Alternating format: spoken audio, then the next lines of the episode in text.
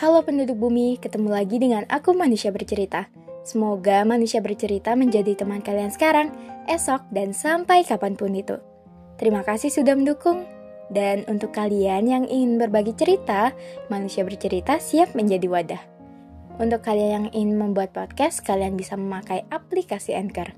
Aplikasi yang mempermudah kalian untuk membuat podcast dan aplikasi ternyaman untuk menjadi rumah podcast cerita dan kisah. Jadi, bagaimana hari ini? Bagaimana kabar kalian? Ada cerita apa hari ini?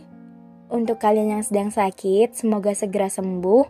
Untuk kalian yang bingung, semoga nggak bingung lagi. Untuk kalian yang bosan, sejenak lepas kepenatan. Untuk kalian yang sedih, semoga menerbitkan tahu kembali. Dan semoga kalian melahirkan bahagia setiap harinya. Di podcast kali ini, manusia bercerita akan mengangkat topik tentang ruang bernama kenangan. Oke, selamat mendengarkan.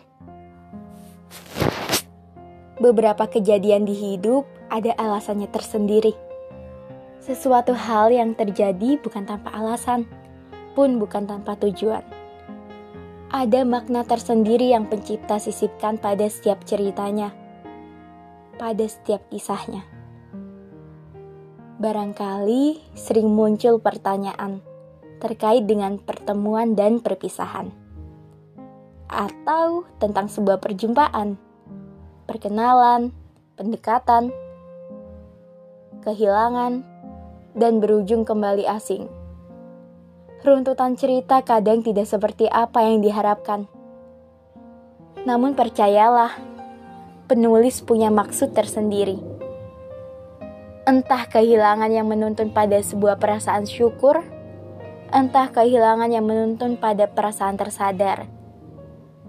Segala yang ada di dunia ini terlalu abstrak untuk kita pahami satu persatu.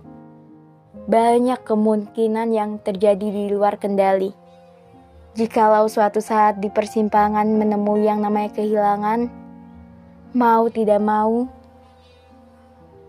manusia harus menerima segala bentuk kehilangan terlebih jika sudah terlanjur memberikan ketulusan pada tempat yang salah. Tidak apa-apa ya, tidak perlu disesali. Sikap perhatianmu yang sering kali diabaikan, mungkin memang seperti itu. Mungkin memang bukan perhatianmu yang dia tunggu. Bukan kamu yang selalu bersedia untuk dia. Dia tidak membutuhkan itu. Dia hanya butuh seseorang yang lain, dan itu bukan kamu. Menyakitkan ya? Kadang perasaan ingin sekali seperti gayung bersambut.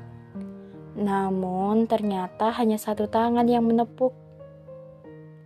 Kita dipukul mundur dengan kenyataan yang ada. Dipaksa sadar diri dengan pesan-pesan yang bahkan enggan untuk dibalasnya.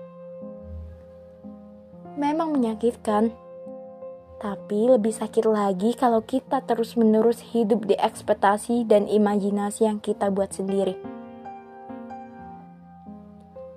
Kita secara sukarela masuk ke dalam labirin dan terjebak di labirin yang kita buat. Lalu, lantas mengapa ada sebuah pertemuan jika pada akhirnya berujung perpisahan?